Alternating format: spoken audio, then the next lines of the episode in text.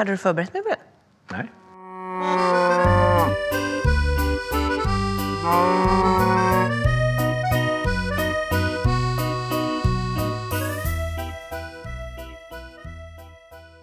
Det här är Ostpodden och jag är Johan.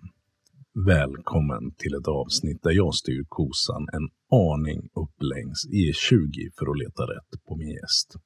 Men låt oss först konstatera att eh, första advent är passerad.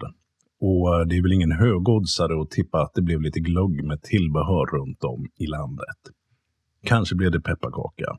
Kanske med blåmögelost på.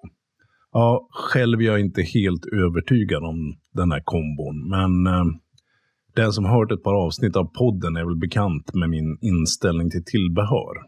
Den är generellt tveksam. För eh, pepparkakor gillar jag reservationslöst. Oscars kör vi här i familjen. Blåmögelost gillar jag ju också. Allt ifrån Kvibiles gräddädel, som jag tycker är en alldeles utmärkt ost, till den superkrämiga Mauri Gorgonzola jag testade i höstas. Och såklart en vansinneslagrad Bleu de Termignon. Den förtjänar nästan ett eget poddavsnitt. Men just det där med pepparkakor och blåmögelost ihop. Mm, inte helt säker. Apropå blåmögel förresten. Jag eh, gick ju lite hårt åt i alla fall en del av USAs ostkultur i ett av Ostpoddens sommarsnacks. Ja, den 4 juli var det, såklart. Sen dess har det hänt något riktigt roligt. Det är nämligen som så att för första gången i världshistorien har en amerikansk ost tagit hem topplaceringen i World Cheese Awards. Och eh, som du kanske förstår handlar det om en blåmögelost. En blåmögelost som spöade en Parmigiano Reggiano på målfoto i princip. Ja, det var så här att när omröstningen var klar, då stod det lika mellan de här två ostarna. Så eh, juryns ordförande fick lov att avgöra med sin utslagsröst. Och den utslagsrösten var då till den här amerikanska blåmögelostens fördel. Osten det handlar om, den görs av Rog Creamery i Oregon. Och efter att osten är färdigystad så slår man in den i syrablad som är dränkta i päronlikör. Sen grottlagrar man den här osten i hela 9 till 11 månader. Rog River Blue heter osten. Jag misstänker att den knappast kommer att nå våra breddgrader. Men eh, för all del, är du i Oregon-trakten så håll utkik. Vem vill inte prova på en världsmästare? Med det sagt tycker jag vi beger oss till vår gäst som verkligen ser till att få både blåmögel och annan ost, inte bara till våra breddgrader, utan hela vägen ut i händerna på dig. Särskilt om du bor i Västsverige. Allt och lite till om det kommer här. Jenny Svensson, här sitter vi i anrika fåtöljer har jag förstått, med lite ost på bordet. Ska vi börja med det på en gång? Att du berättar vad det är för ost. Nu hade jag ju fått lite tips här om frågor som du skulle ställa till mig. Och då var det ju lite grann vilken som var min favoritost. Så därför har jag ställt lite comté Mhm. på bordet. Och sen har jag ställt en liten lagrad herrgård som står där och blir lite rumstempererad. Mm. Trevligt, trevligt. Och du är ju en av dem som jag har förstått som man kan på allvar kalla ostmästare här i Sverige. Ja. Eller hur? Ja, visst. På flera sätt. Eh, någonstans har jag läst att du rent personligt är, eller har varit, svensk mästare i ostkunskap. Ja, Ja, ska vi börja med, börja med dig och det? vi börjar med det med ostmästerskapet. Det var så här för eh, tio år sedan så var det ju populärt att tävla i ganska mycket saker. Då hade vi ju årets florist och vi hade ju årets barista och årets kock hade ju liksom verkligen slagit in. Okej, det ledde vägen och sen så... Det ledde vägen tror jag så att man liksom började tävla i många saker. Och just då var jag i min eh, del av karriären då jag hängde på sånt. Innan barn och sådär. Så det var ju lite roligt. Så att eh, vi eh, var ett gäng glada ostpersoner som tävlade då i svenska mästerskapen. Och om man vann svenska mästerskapen, som jag gjorde, så fick man tillsammans med nummer två åka till Lyon och delta i franska eller ja, Franska, öppna. Ja. franska öppna, nej. Eh, och det som var det roliga med det var ju att eh, det var i Lyon och det var som en förtävling då för Bocuse Så man fick ju hela den... Så det var på samma ställe? Ja, precis. Så det var i samma sån här tävlingsbås som du tänker dig. Ja. Ja, det var kul. Så man, man var förband till ja, exakt, kocktävlingen? Ja, ja, För då var det så här att stora Bocusen gick kanske på söndagen då eller om den gick på lördagen och söndagen gissningsvis. Så var pastörisör, alltså bageri, var på fredagen och så var vi på torsdagen. Okay. Så det trappades liksom upp då i... Ja. Aha, ja. Men, men hur går en sån tävling till? Det, det låter ju... Kunskap, det är ju inte frågesport. Nej, det är en, frågesport är en deltävling. För att eh, det är lite så som när man tävlar i vin. Det bygger på att man ska kunna vissa delmål. Och... Eh, om jag minns rätt nu så är det framförallt så att man ska bygga en disk. Man ska dela ost efter konstens regler. Till exempel så skulle man, fick man en anvisning om att du ska ha så och så många bitar som skulle väga så. Och så, och så var det liksom olika vikter då. Tio som vägde så, fyra som vägde så, tre som vägde så, ah, en som vägde okay. så till exempel. Där var det ju fördelaktigt att du hade jobbat i ostbutik. Mm, ja, då klart. har du ju vikterna i händerna. Då kan du ju känna vad är ett halvt kilo, vad är 250 gram. Mm. Ja, det kan jag vara så imponerad mm. av när jag mm. handlar ost. Mm. Och mm.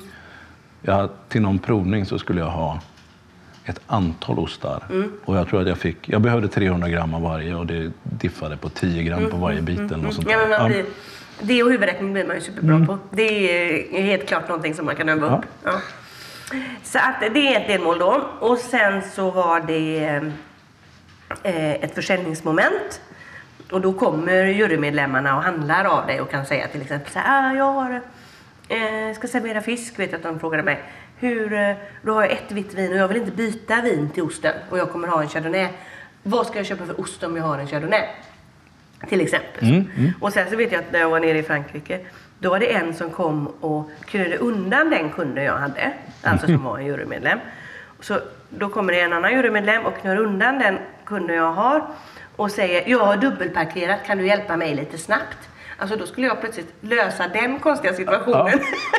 Och det ingick som ett tävlingsmoment? ja. ja. Så då, då, var det försäljning och sen så är det ett teoretiskt prov också. Mm.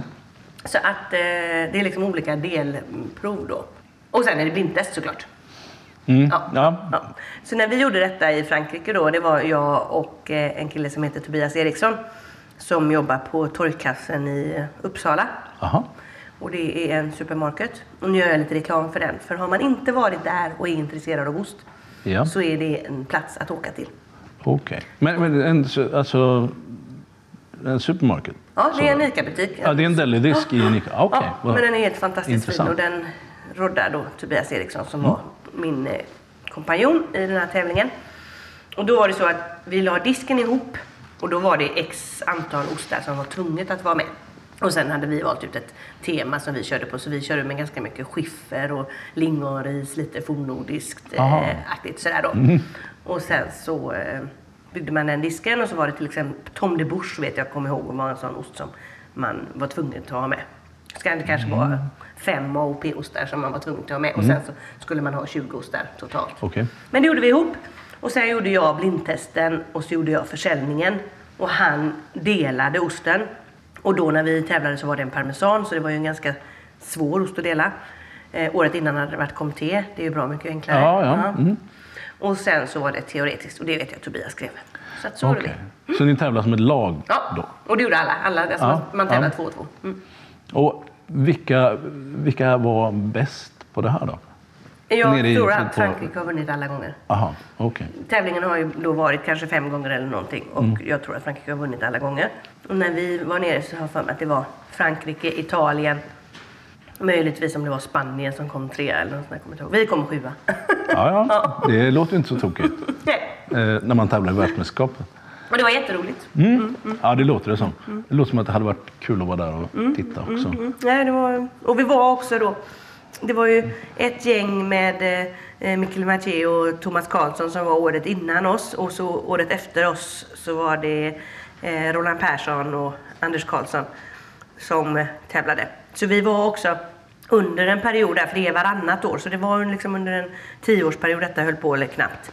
Och det var rätt kul för då hade vi liksom en liten klubb för inbördes beundran i osteriet Ja, ja. under de åren. Och det upplever jag som var, eh, men det var himla kul. Det, Ja. Och, och de andra som du nämnde här, var, eh, var hittar man dem då? Förutom din lagkamrat där som finns i Uppsala. Ja, de hittar man i dagsläget. Så jobbar ju Thomas Karlsson, har jobbat både på NK och Sabis, men nu jobbar han på Systembolaget. Mm. Michael Mathieu eh, säljer ju franska ostar, eh, Måns till exempel, schweizare. Och sen så Roland Persson är ju den där gamla klassiska kocken Ja, som ja. hade franska matsalen. Och Anders Karlsson jobbade ju på NK och de stängde ju precis. Nu jobbar han på, eh, vad heter det, i Bromma? Det heter något. Ja, det kommer jag på snart. Ja, då tar vi det Men det är ju typiska ost, svenska ostpersoner i butiksledet. Ja. Eh, och du sa att vi ska väl komma till eh, inte bara dig och eh, dina mästerskap utan varför det har gått så bra också. Så eh, du sa att du hade jobbat i butik. Vi kan väl ta lite om eh, både det och vad du sysslar med idag.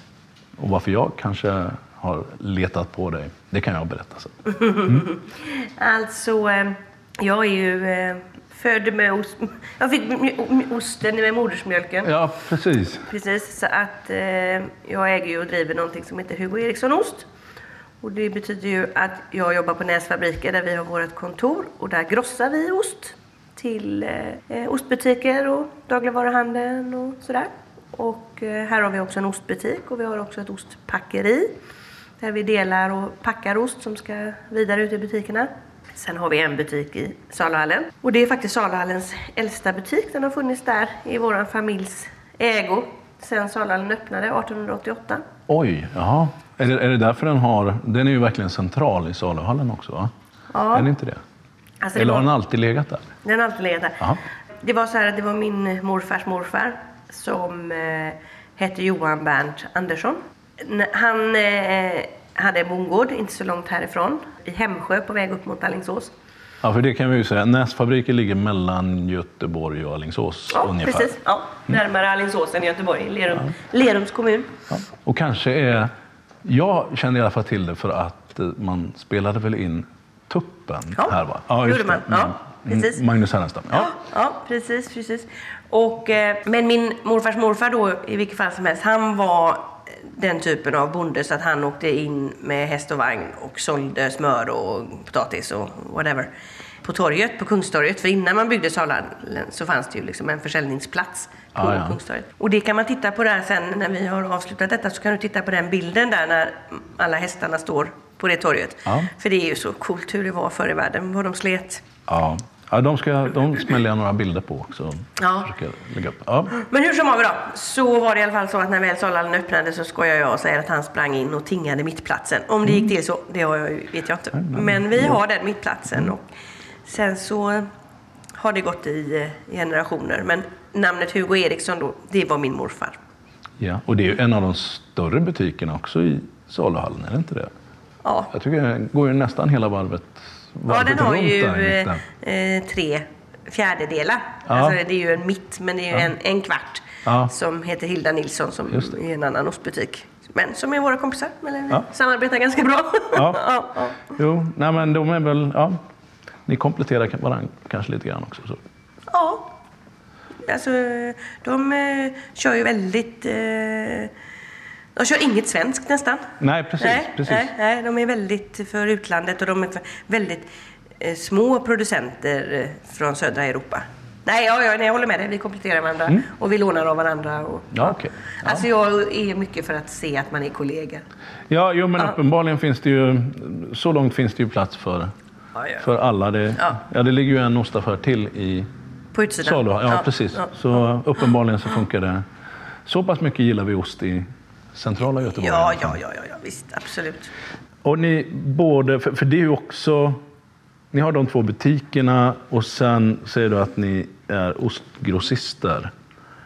vad täcker ni där? Land, hela landet eller Västsverige? Eller vad, vad har ni för upptagningsområde? Vi har nog upptagningsområde hela Sverige. Men det är klart att eh, jag skulle kunna säga att det är 80-20.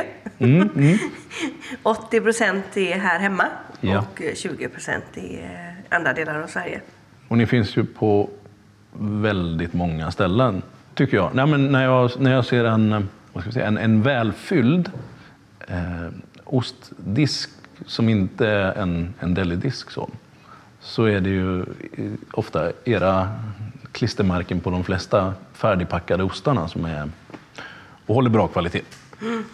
Ja, i alla fall i Västsverige så är det ja, så. Ja, jo, det är mest där jag, mm, mm, där jag rotar runt i diskarna också. Så när jag var på min, min lokala ICA så där är det ju definitivt ni som ser till att de har ett bra utbud. Och sen var jag på ett annat, en annan ICA här om, om dagen också. Det var ungefär likadant där.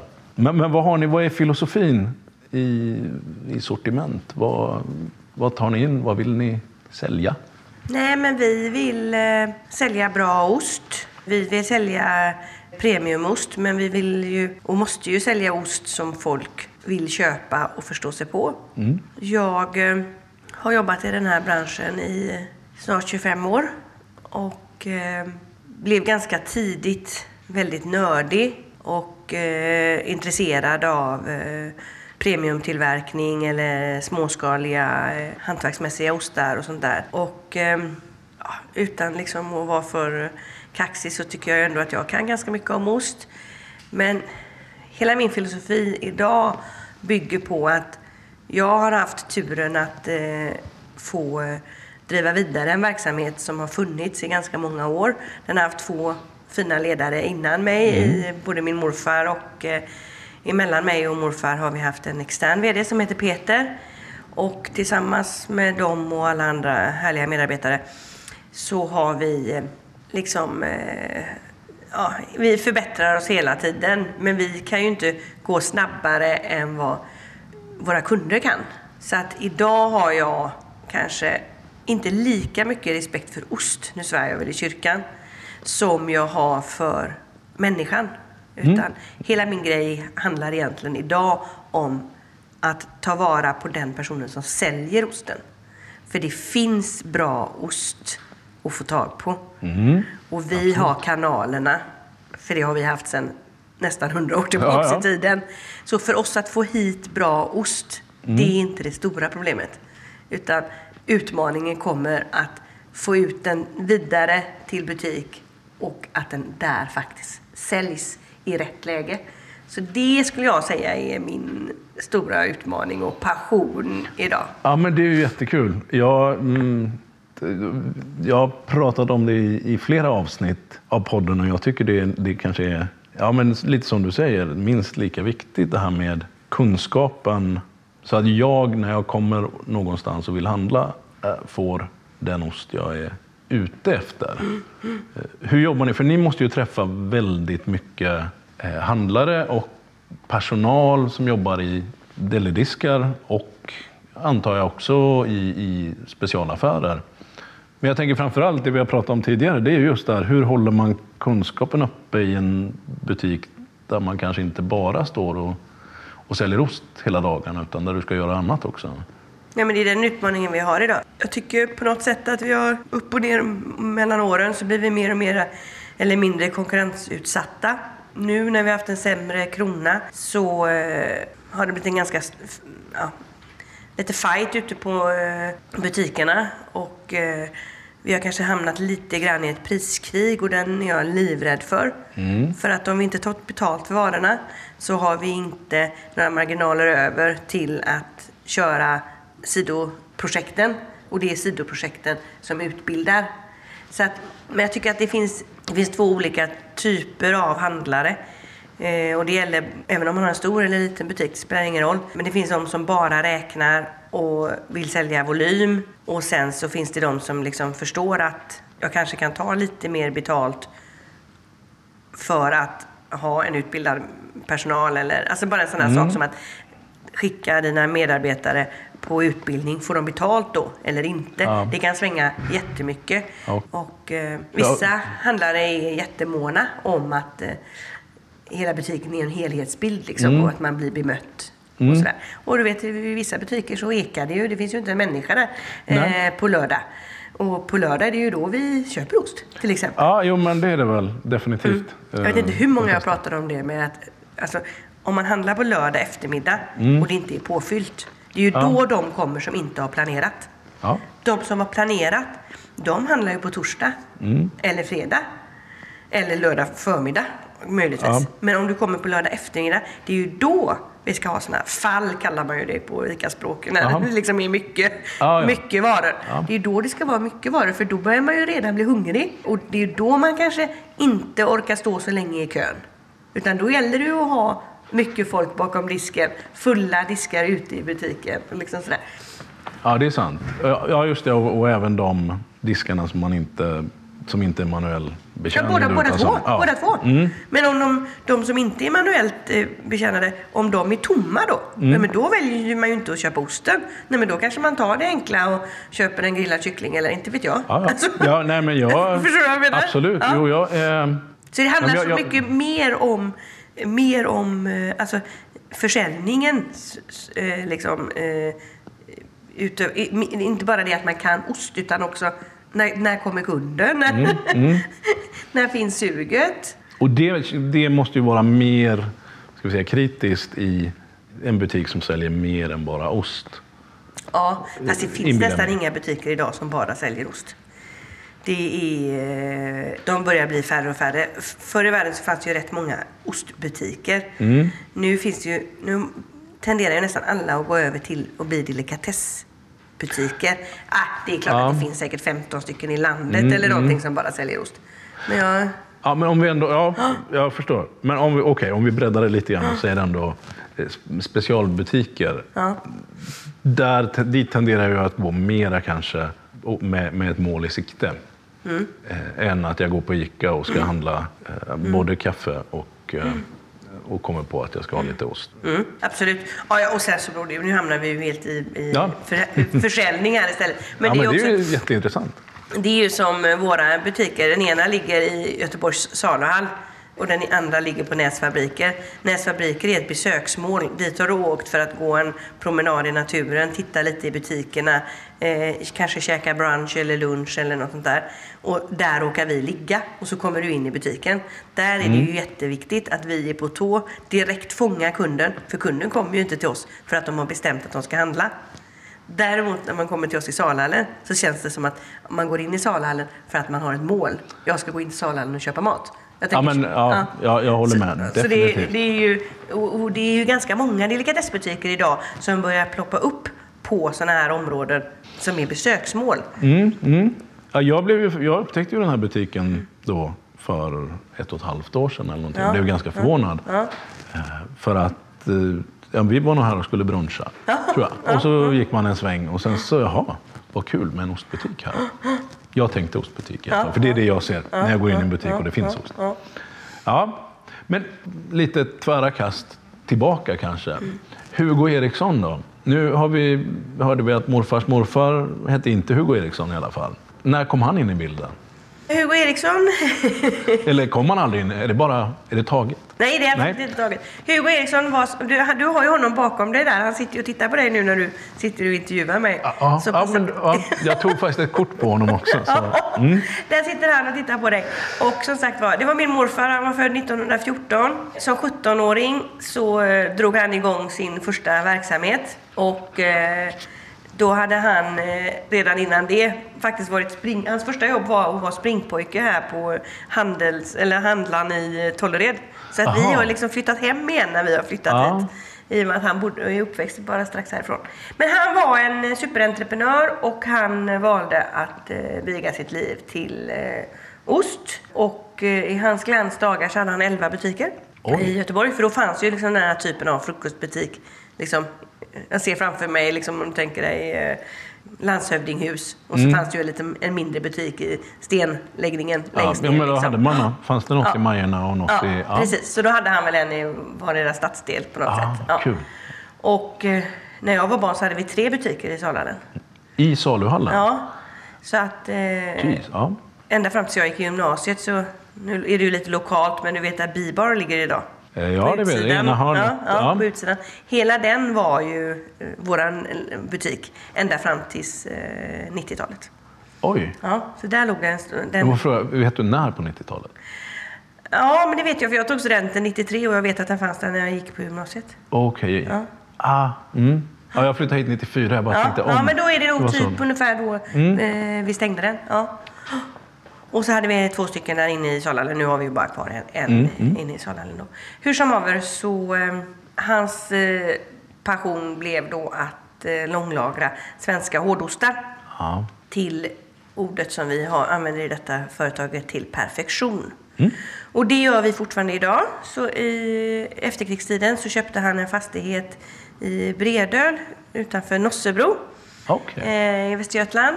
Och eh, det var ett andelsmejeri. Och det betyder att eh, dit man kunde ju, alltså det- användes av flera bönder Ja. som tog dit eh, mjölk och eh, ystade och kärnade smör och sådär.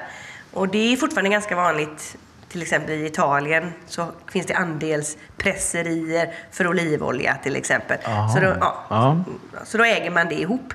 Och det var vår fastighet i Bredöl, det var ett andelsmejeri och det är ett eh, rappat hus. Så det är tjocka stenväggar. Ja. Och där håller vi eh, samma temperatur och, året runt. Mm. Och där långlagrar vi då eh, fortfarande idag. Herrgård, grevé och präst. Mm. Det finns lite foton där sittande. Får gärna kika på. Är den här? Ja, Ja. den bibban är från Jag prasslar lite. Jaha, det är en sån. Den bibban är från eh, Bredö. foto. Och där har vi två eh, Jag får killar. titta på den. Ja, det får du titta på. Jag måste lyssna här. Ja. Men där har vi två killar som eh, vänder och vrider på ostarna efter konstens alla regler och vaxar dem eh, för hand. Fortfarande väldigt mycket handpåläggning på detta då. Men sen ser ju inte alls eh, ost, eh, alltså tillverkningen ut så som det gjorde på morfars tid. För morfar åkte ju runt och köpte olika partier och smakade sig fram att det här passar till att långlagras och det här Mm. passar inte till att långlagras. Och Vi har ju Sivans ost Ja, jo, Ja, det ja. känner jag ju till. Mm. Och då pratar vi ju mycket om sporer och sånt och vad, att inte osten får vara... Den ska vara på ett speciellt sätt för att den ska gynnas av långlagring. Ja, ja, det är ju inte alls så att alla ostar mår bra av att bli äldre. Nej, det är nej. ju verkligen inte sanningen. Så det gjorde morfar. Eh, han långlagrade hårdostar och så sålde han dem dels i sina egna butiker men också i andra, eh, till andra butiker då. Och eh, han höll väl på med detta ända fram till eh, 80-talet eller något sånt där. Då eh, blomstrade pizzerierna så då vet jag att vi började sälja enormt massa ost och skinka och tomatsåser och oliver och ananasringar och grejer till eh, pizzerierna. Så då Alltså, ni sålde hela Ja, hela kittet. då? Så var det när jag var barn. Det kan jag minnas jättetydligt. Och då låg verksamheten på mormor och morfars gård i Lerum. Och så hade vi Bredöl och så hade vi butikerna. Men när morfar sedermera eh, blev för gammal och dog och inte jobbade så tog hans högra hand vid, som heter Peter.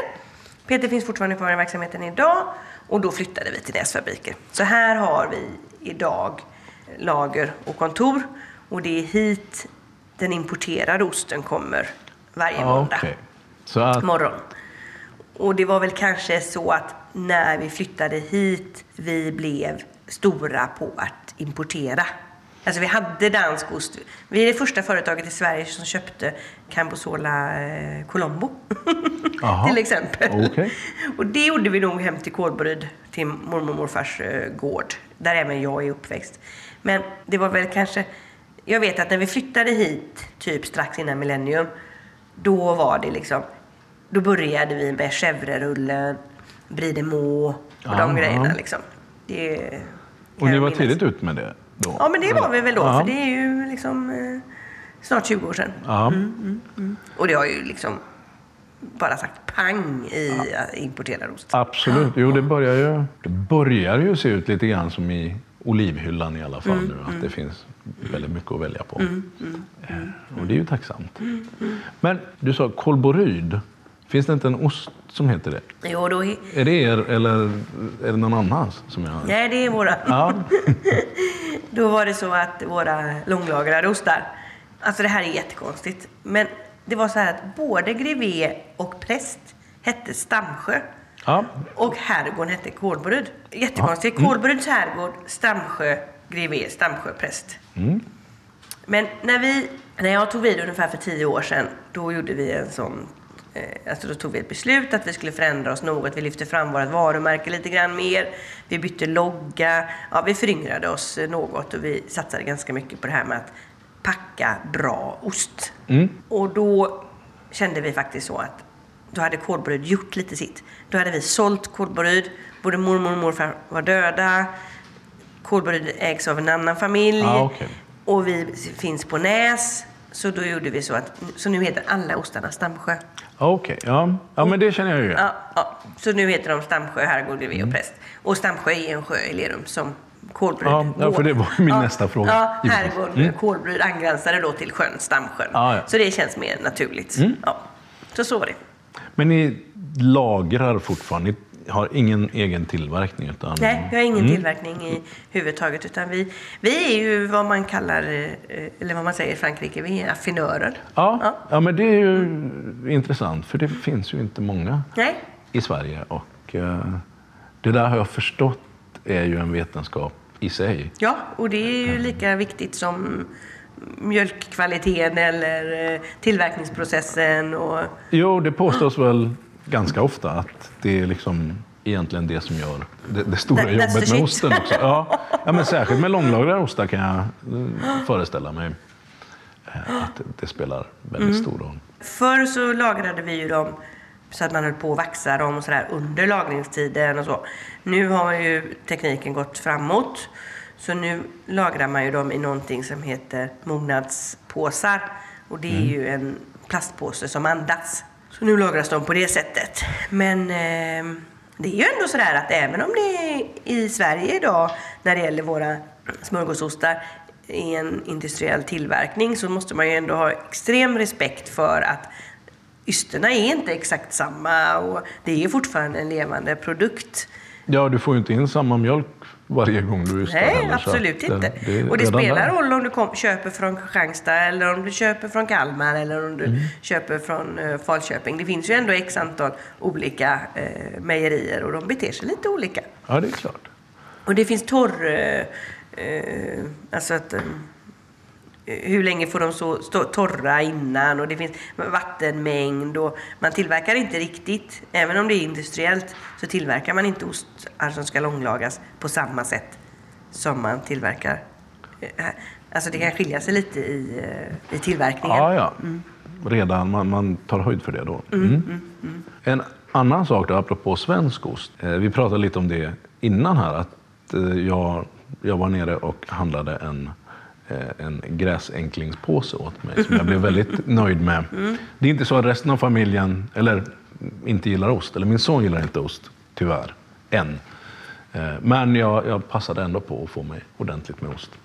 Och blev eh, glad för att jag hittade så mycket svensk, relativt småskaligt producerad ost i alla fall. Är det någon profilering? För det är ganska, kan vara svårt tycker jag att hitta de här som svedjan som ni har till exempel.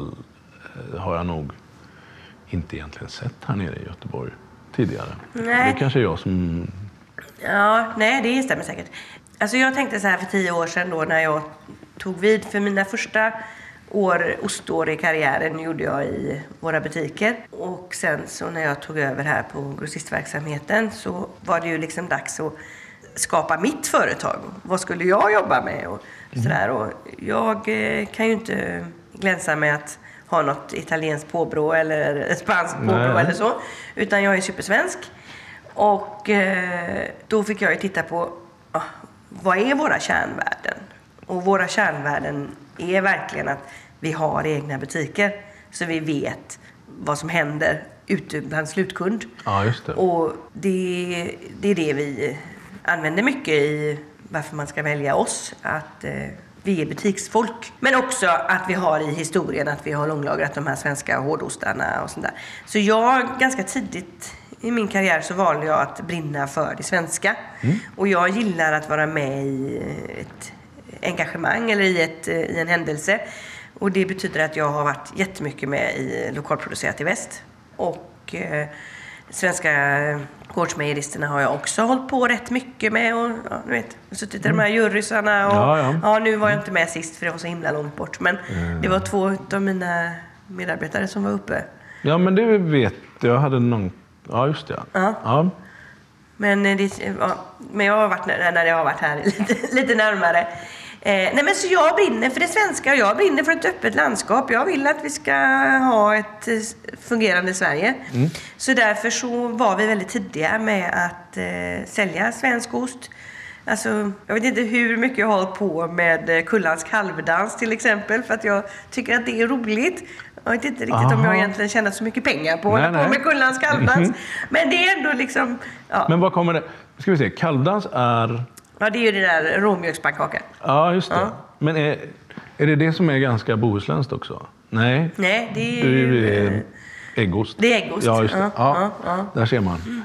Men, men, så att, nej, men jag tycker att det, jag värnar om det svenska. Men sen måste det absolut vara gott. Så långt har Mm. jag kommit att eh, vi kan inte sälja svenskt om det inte är gott. Det måste hålla kvalitet. Ja, men det låter ju... Och det gör det ju. Många Väldigt gånger. mycket av det svenska. Inte allt givetvis, men det gör ju inte allt utländskt heller. Men, Nej. Nej, men det kan man ju Men tycka det är en jag. väldig skillnad idag och för tio år sedan. Det är det kanske. Ja. Mm. Jag inbillar mig att det finns fler, betydligt fler mejerister, mindre mejerister i Sverige idag än för tio år sedan. Eller också är det bara att det har kommit nya och eh, försvunnit andra. Det kan hända att det är så. Du har faktiskt. bättre koll än jag på det. Det kanske är så. Jag, eh, det är nog så. Jag, jag sa ju det till dig in- innan att det är hemskt att säga, men jag har både öppnat och stängt x antal gårdsmejerier. Men det finns ju några som har hållit på lika länge som jag. Mm. Och eh, det är klart att ju längre man håller på, desto bättre pro- slutprodukt får man. Det säger väl sig självt. Ja, det, det får man ju Ja, hoppas. ja. Annars borde Så man det är ju kanske... några som har hållit på riktigt länge, till exempel ju ett sånt. Eh, Ja, ja. Och om man pratar till exempel, nu slår jag upp lite vattenträ ja, tack. Ehm, om man pratar om Almnäs till exempel Mm. så är det ju eh, inte, jag vet inte hur länge Almnäs har funnits men det har väl funnits någonstans mellan fem och tio år kanske. Men de som ystar på Almnäs, Mm. Kerstin och tidigare Elisabeth från Påverås har ju också jobbat på Almnäs. De har ju erfarenhet innan de började på Almnäs. Ja, eh, jo, Så de är, ju, förstått. de är ju äldre än Vrångebäck. Ja. Som osten heter. Ja, just det. ja. Eller deras erfarenhet är ju Ja. längre. Eh, Ja, definitivt. Ja. Jo, för det är väl idag, tror jag, ändå en 500 medlemmar i Sveriges gårdsmejerister. Ja, nej men kul med svensk ost. Eh, Även om det är kul med utländsk ost också. Jag tycker att det ska finnas både och. Ja, givetvis. Men hur, hur jobbar ni då när ni tar in ost eh, utifrån? Jobbar ni med, har ni, säg franska då, för att det kommer till mig lätt. Mm. Eh, grossister också? Eller jobbar ni med varje mejeri eller ysteri? Nej, Där? Vi jobbar... eh, Det beror på lite grann vad det är, vilken ost vi talar om. Mm. En stor jätteost, då kan du ju köpa en hel pall. Mm. Men alltså, för att, finna, för att det ska finnas någon eh, business i det här så behöver du ju köpa minst 500 kilo. Ja. Och du kan ju inte köpa 500 kilo camembert. Nej, det blir, då, ska man ha en... ja, som ska Ja. säljas väldigt snabbt. Ja. Så att eh, vi jobbar med både enskilda verksamheter och eh, grossister. Mm. Och blir när, du, när du då hamnar hos grossisten så hamnar du det blir ju ganska många mellanled. Eller mellanhänder. Men eh, jag tycker ändå att det är bättre för att då kan du hela tiden leverera bra datum och Ja, men precis. Och få lite rätt mognadsgrader Ja, på, exakt. på allting. Ja, ja, ja. Så, såklart. Hur många länder eh, handlar ni med? Förutom Sverige då och- och Frankrike såklart har vi förstått. Holland, Tyskland, England, Schweiz, Italien, Spanien, Frankrike, Danmark såklart.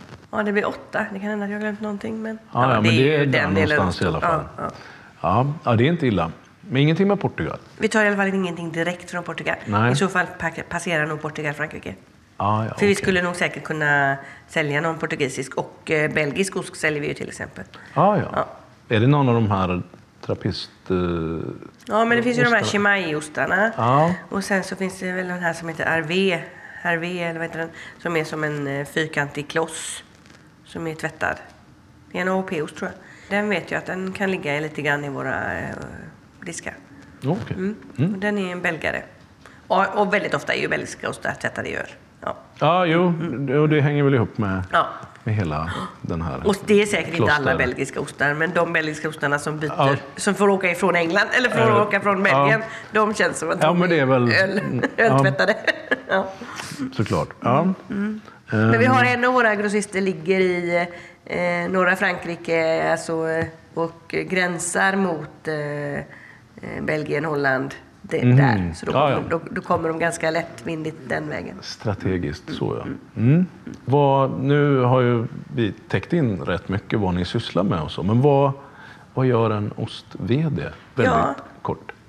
Jag tar hand om mina medarbetare. Ja, det låter bra. Och jag försöker hålla mig uppdaterad vad som händer i eh, ostvärlden. Och eh, nej, men vi är väl där i det att det gäller att eh, vara uppdaterad och eh, jag tror jättemycket på att behålla sina medarbetare och eh, få dem att trivas och känna att de också kan det här och är bra på det här. Men sen, ja, vi köper ost och Ja, ja. säljer ost. Och... Ja, jo, det är klart. Det, det är ju känn... Nej, men det, jag tänker på det, du, ni måste ju vara väldigt beroende av kunskap hos medarbetare då, om vi pratar kunskap Ja, ja, ja, igen. ja, visst, visst, att, visst, ehm, Ja, men att alla vet. Eh, Både ut till mig när jag står och handlar eh, nere på saluhallen. Att jag får, får hjälp. Vilket jag fick väldigt, eh, väldigt nöjd med den hjälp jag fick. Roligt, härligt. Till de som ska sälja ut till Mm. handlare och, och restauranger och så. Så det förstår jag att man gärna vill behålla. Mm. Men det är lite det jag menar att visst ska vi vara ödmjuka mot eh, hantverket ost. Men vi måste också vara otroligt ödmjuka mot mänskligheten som ska driva detta. Och det tror jag är eh, avgörande, absolut.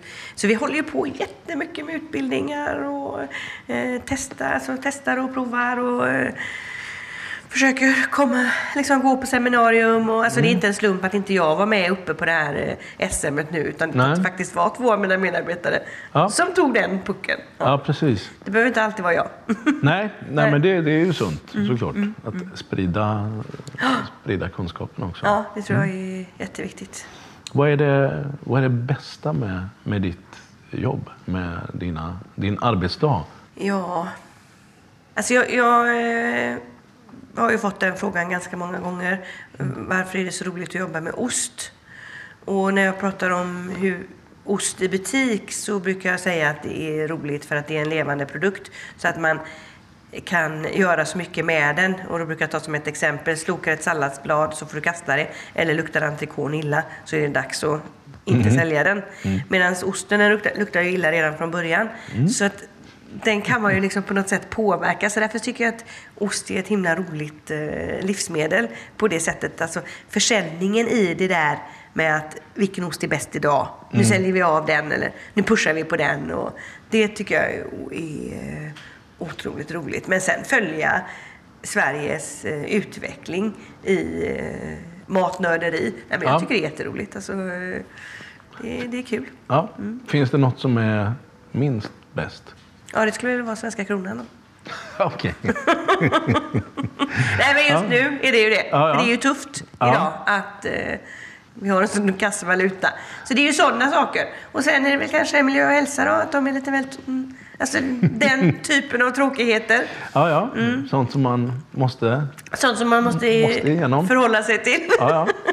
ja, men det är klart. Det låter inte lika kul Nej. som att känna på osten. Men annars vet jag inte riktigt. Är man eh, entreprenör och ledare så drivs man ju också. Alltså man måste ju vara lösningsorienterad. Så Mm, jag vet inte riktigt. Jag försöker inte se saker som så himla tråkigt. Ja, men det kanske, ja, och det kanske är en, eh, eh, som du säger, en god egenskap man mår bra av att ha om man ska utveckla saker. Ja, jag tror nog det. Och Mm. se eh, förutsättningar istället, eller, istället för åt andra hållet. Ja. ja, ja. Men nu, ja, en annan sak som jag tänker på, nu kanske det blir en... Ja, vi får se. Jag har ju något, ett par kanske, men ett väldigt tydligt sån här turning point eller stort trappsteg i min, min skenande ostintresse. Och jag tänker, har du något liknande? något som, som tog dig ett stort skutt djupare ner i, i osteriet. Nu, nu är ju du som sagt född rätt in i det, så att det kanske är svårt att säga. Du har varit på ett sluttande plan hela, hela livet. Men när jag bestämde mig för att det här är det här jag ska göra. Jag, eh, jag har sådana olika situationer som jag kan minnas lite grann eh, som har hänt mig. Jag, jag, det, det var som med mig att jag åt inte ost som barn. Lite sådär bagans barn. Och jag är då uppväxt på samma gård som eh, min mormor och morfar. Och där satt morfar och skar svesia med en sån där räfflad kniv så att det blev liksom lite ränder i ostbiten när han skar. Han använde inte osthyvel utan han skar ostbitar och så la han det på sin smörgås.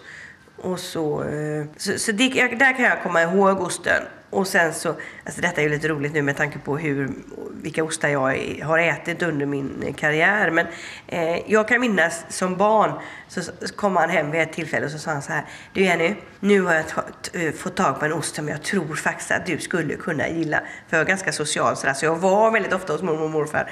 För de hade lite mer tid än vad mamma och pappa hade då när de jobbade och, och sådär.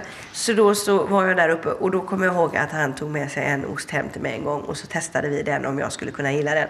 Håll i dig nu du. Det var nämligen sån här Ramboll smältost med körsbärssmak. Okej. Ja, det, ja. För det var nämligen så långt ifrån ost som han Ah, kunde okej. tänka Ja, sig. ja. Så då var det liksom lite kul om jag tyckte om den eller inte. Mm. Så man kan väl säga då att där började mitt intresse för ost. Du förstod att det fanns något, något Ja. någonstans? Ja. Ja, där var mitt intresse för ost. Och sen så har jag ju lyssnat lite ti- tid, nu på några tidigare poddar som du har gjort. Och då har jag tänkt, när jag ska få den här frågan, vad ska jag då svara? och då har jag två ögonblick som är bara sådär självklara för mig. En gång är vi på en resa i eh, Italien och då var jag där med Gina Hjort som har Italian Food Selection som har gjort jättemycket resor med många av Sveriges ostelitpersoner. Och hon, henne ska vi tacka för det. Hon har gjort mycket bra studieresor och de har varit fantastiska att vara med på. Och då vet jag en gång så reste jag med henne och då var vi på eh, Gofanti som är en italiensk eh, affinör.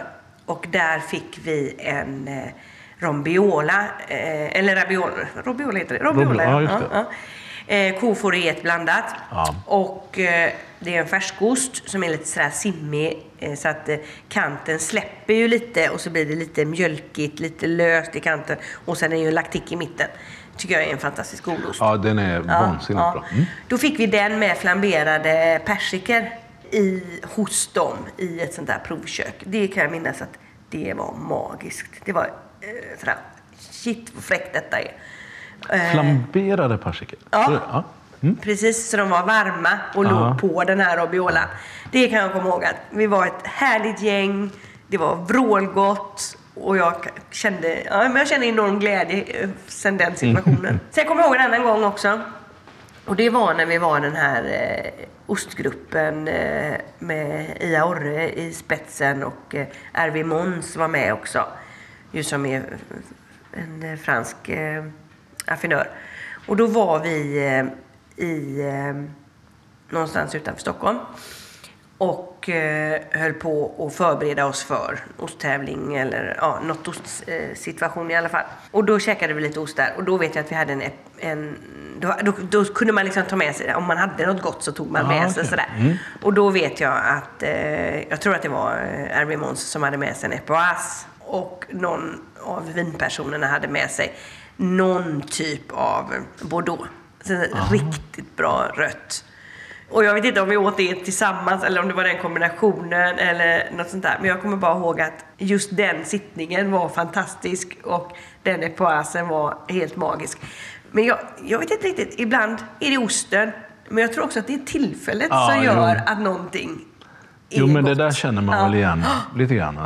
Mm. Ja, men, Men i och med att jag tänkte att du skulle ställa frågan så har jag Ja, tänkt lite grann sådär. jättebra. När har jag upplevt att... Men jag menar sen, du vet, du kan, herregud jag öppnar ju ostar var och varannan dag. Ja, precis. Ja, Det- Så det är klart att, herregud hur många gånger har jag inte ätit god ost? Jättemånga Mm. Ja. gånger. Ja, Jag har en just nu som inte är den som är mitt stora moment, men som faktiskt är en vansinnigt bra eh, etivas. Ja. Som eh, jag fick tag på en bit. Men som är jättevass brukar ju vara jättebra, tycker Ja, jag. ja, Eller jag ja, gillar den typen. Men den här är liksom två snäpp upp, minst. Så, ehm, Ja. mm, jo, den har jag suttit och så har jag tjatat hemma och sagt så här, bara, den här är så jävla bra. Eh, och min fru är lite trött på det. Men, att jag ska säga det varje gång. Men jag, gör det, jag måste göra det. Ja. Men då vet du kanske vad nästa fråga också blir då. Den handlar om eh, din ostbricka, eller vad ska jag kalla det. Du har ju hintat om det redan Mm. eh, med kommittén där. Men eh, om, om det nu är så att du bjuder på ost när du har en middag eller så, vad, Ja, det gör Vad jag plockar oftast. du fram på det gör jag en- oftast, för det förväntas ju av Ja. en att eh, man bjuder på ost. Ja, men det var ju det jag skulle bjuda dig på ost här. Ja. ja. För att här är nämligen eh, våran eh, lagrade herrgård, 12-14 månader, Stamsjö herrgård. Och sen så har jag tagit en annan favoritost som jag skulle lägga på brickan då. Och Mm. det är en eh, våran comté som kommer från eh, Marcel Petit. Mhm. Så det är, men detta är våran egen selektion. Så den här har vi valt ut på Hugo Eriksson. ah, ja. Och den är typ 16 månader och eh, lagrad efter alla konstens regler då av Marcel Petit i eh, Djura. Den Mm. hade jag valt. Den väljer jag nästan alltid. Om jag bjuder på en bit ost, för alla vill nästan ha gruyère. Och då bjuder inte jag på gruyère, utan då bjuder jag på comté. Mm, så brukar jag också göra. Antingen det eller... Jag är väldigt svag för Beaufort också. Ja. Tycker jag. Mm. Men nej, just för att tala om att det finns mer än gruyère som Men den här är god tycker jag. är väldigt gott.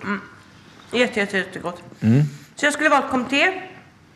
Och om du hade frågat mig idag så hade jag tagit en eh, tvättad camembert som man ju kan kalla cados ibland. Och då har man tvättat den i calvados och så har man lagt skorpmjöl på sen. Ja, ja, just mm. Då är jag med. Och den har vi i saluhallen nu och då kommer den från eh, Monsieur Loraux som är en, eh, en affinör. Och den är helt gudomligt god nu. Du vet när camemberten är lite sådär... Nu visar jag med fingrarna här hur jag gör. Men Ja, ja. Fingrarna går upp och ner så den blir lite svampig sådär. Och så har du små prickar i camemberten. Mm. Så att det finns lite lufthål i den. Men det är jättesvårt att säga vad, vad bjuder man på. Eh, alltså det beror ju på vad man är på året. Men Ja. nu vill man ju kanske bjuda på lite tuffare ostar då. Så jag hade tagit den här lagrade comtén. Och så hade jag tagit eh, cadosen från eh, Loraux. Och sen tycker jag att, eh, ju, man vill inte vara för snobbig men en av de absolut godaste ostarna som finns det är ju eh, La Maison Truffes eh, Brie de Meaux. Den, eh, den är så sjukt god den osten. Om man gillar tryffel. Och nu är vi ju i tryffelsvängen så här på hösten. Jo. På äldre dagar har jag torskat Ja. totalt på tryffel. Så att, eh, mm. Så är Men det. det är ju så med smaker. Alltså, har man jobbat i ostbutik så vet man alla de här föräldrarna som säger så här. Nej, det är inget för dig. Säger de till barnen. När man sticker fram. Vill du smaka? Ja. Då talar föräldern om för barnet att barnet inte tycker om. Ja. Men för mig som har två pojkar som äter både koriander och tryffel och alltihopa. Det är ju bara från början att ge dem det. Ja, ja, visst. Ja. Så att, Men det kan bli dyrt om man lär barnen äta. ja, det kan det absolut kan bli. finnas en Och plan. där har vi olika förutsättningar. Jag får ta lite vatten nu. Jag är tagen av osten.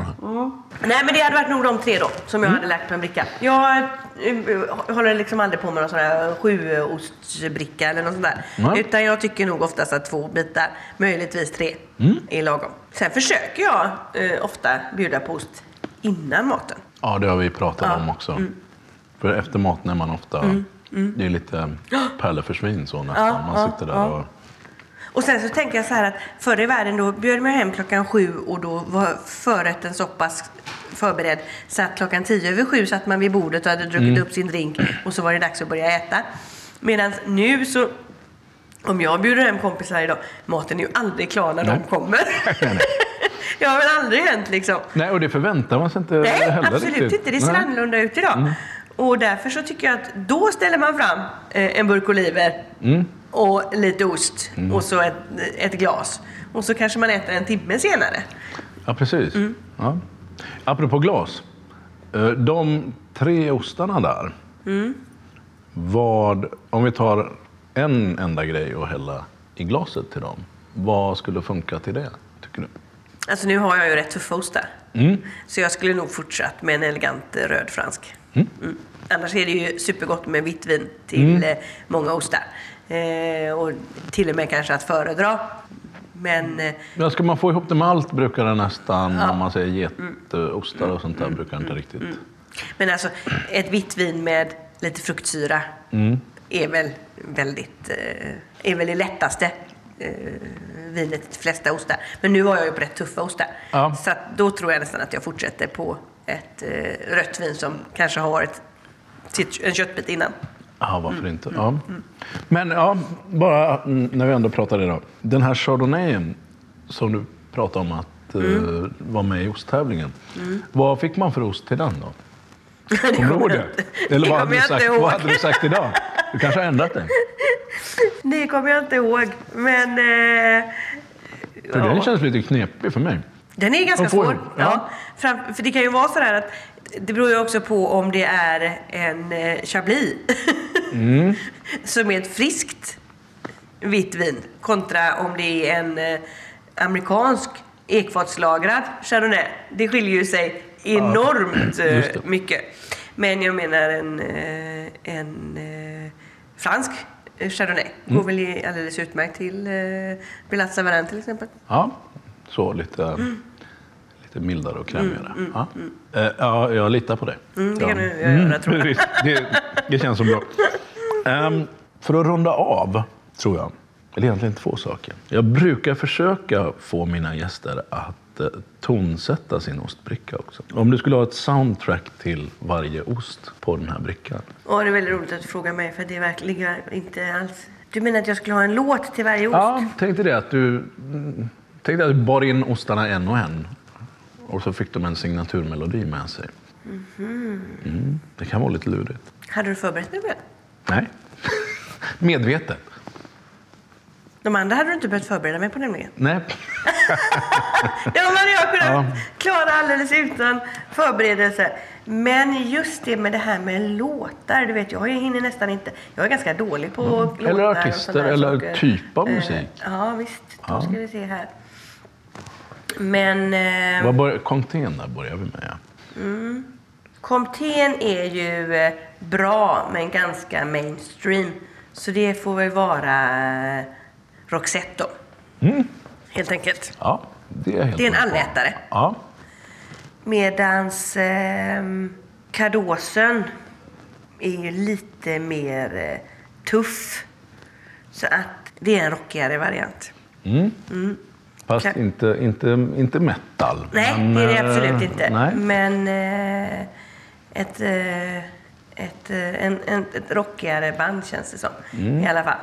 Och sen så eh, tryffelvarianten, det är ju bara... Ja, det får vara Pavarotti då. Ja, men jag tänkte också något sånt där elegant och, och ganska storslaget. Ja, ja. Mm.